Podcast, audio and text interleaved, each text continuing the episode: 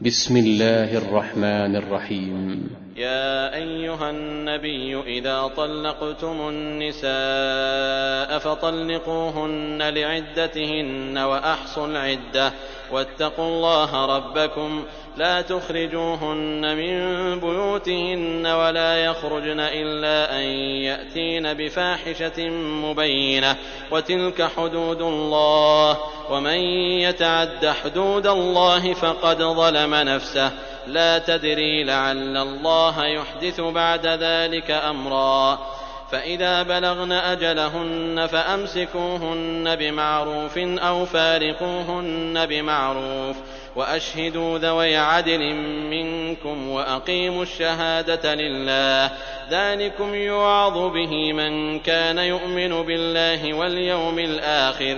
ومن يتق الله يجعل له مخرجا ويرزقه من حيث لا يحتسب. ومن يتوكل على الله فهو حسبه. إن الله بالغ أمره. قد جعل الله لكل شيء قدرا. واللائي يئسن من المحيض من نسائكم إن ارتبتم فعدتهن ثلاثة أشهر واللائي لم يحضن.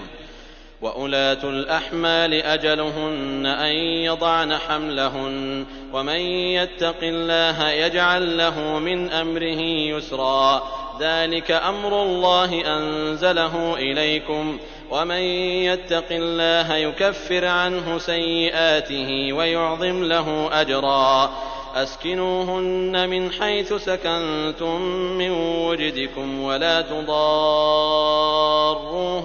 لتضيقوا عليهن وإن كن أولات حمل فأنفقوا عليهن حتى يضعن حملهن فإن أرضعن لكم فآتوهن أجورهن وأتمروا بينكم بمعروف وإن تعاسرتم فسترضع له أخرى لينفق ذو سعة من سعته ومن قدر عليه رزقه فلينفق مما آتاه الله.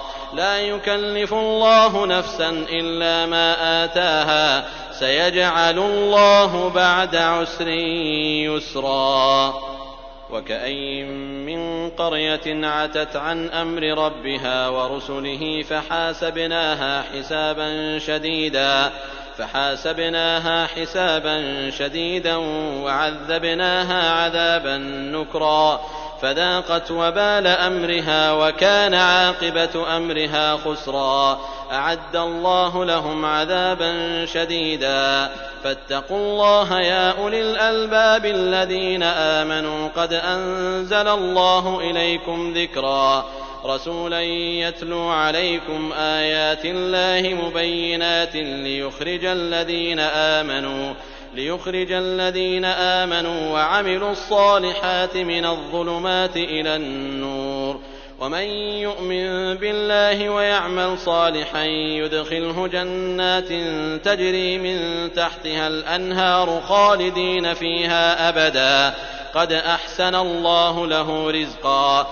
الله الذي خلق سبع سماوات ومن الأرض مثلهن. يتنزل الأمر بينهن لتعلموا أن الله على كل شيء قدير وأن الله وأن الله قد أحاط بكل شيء علما.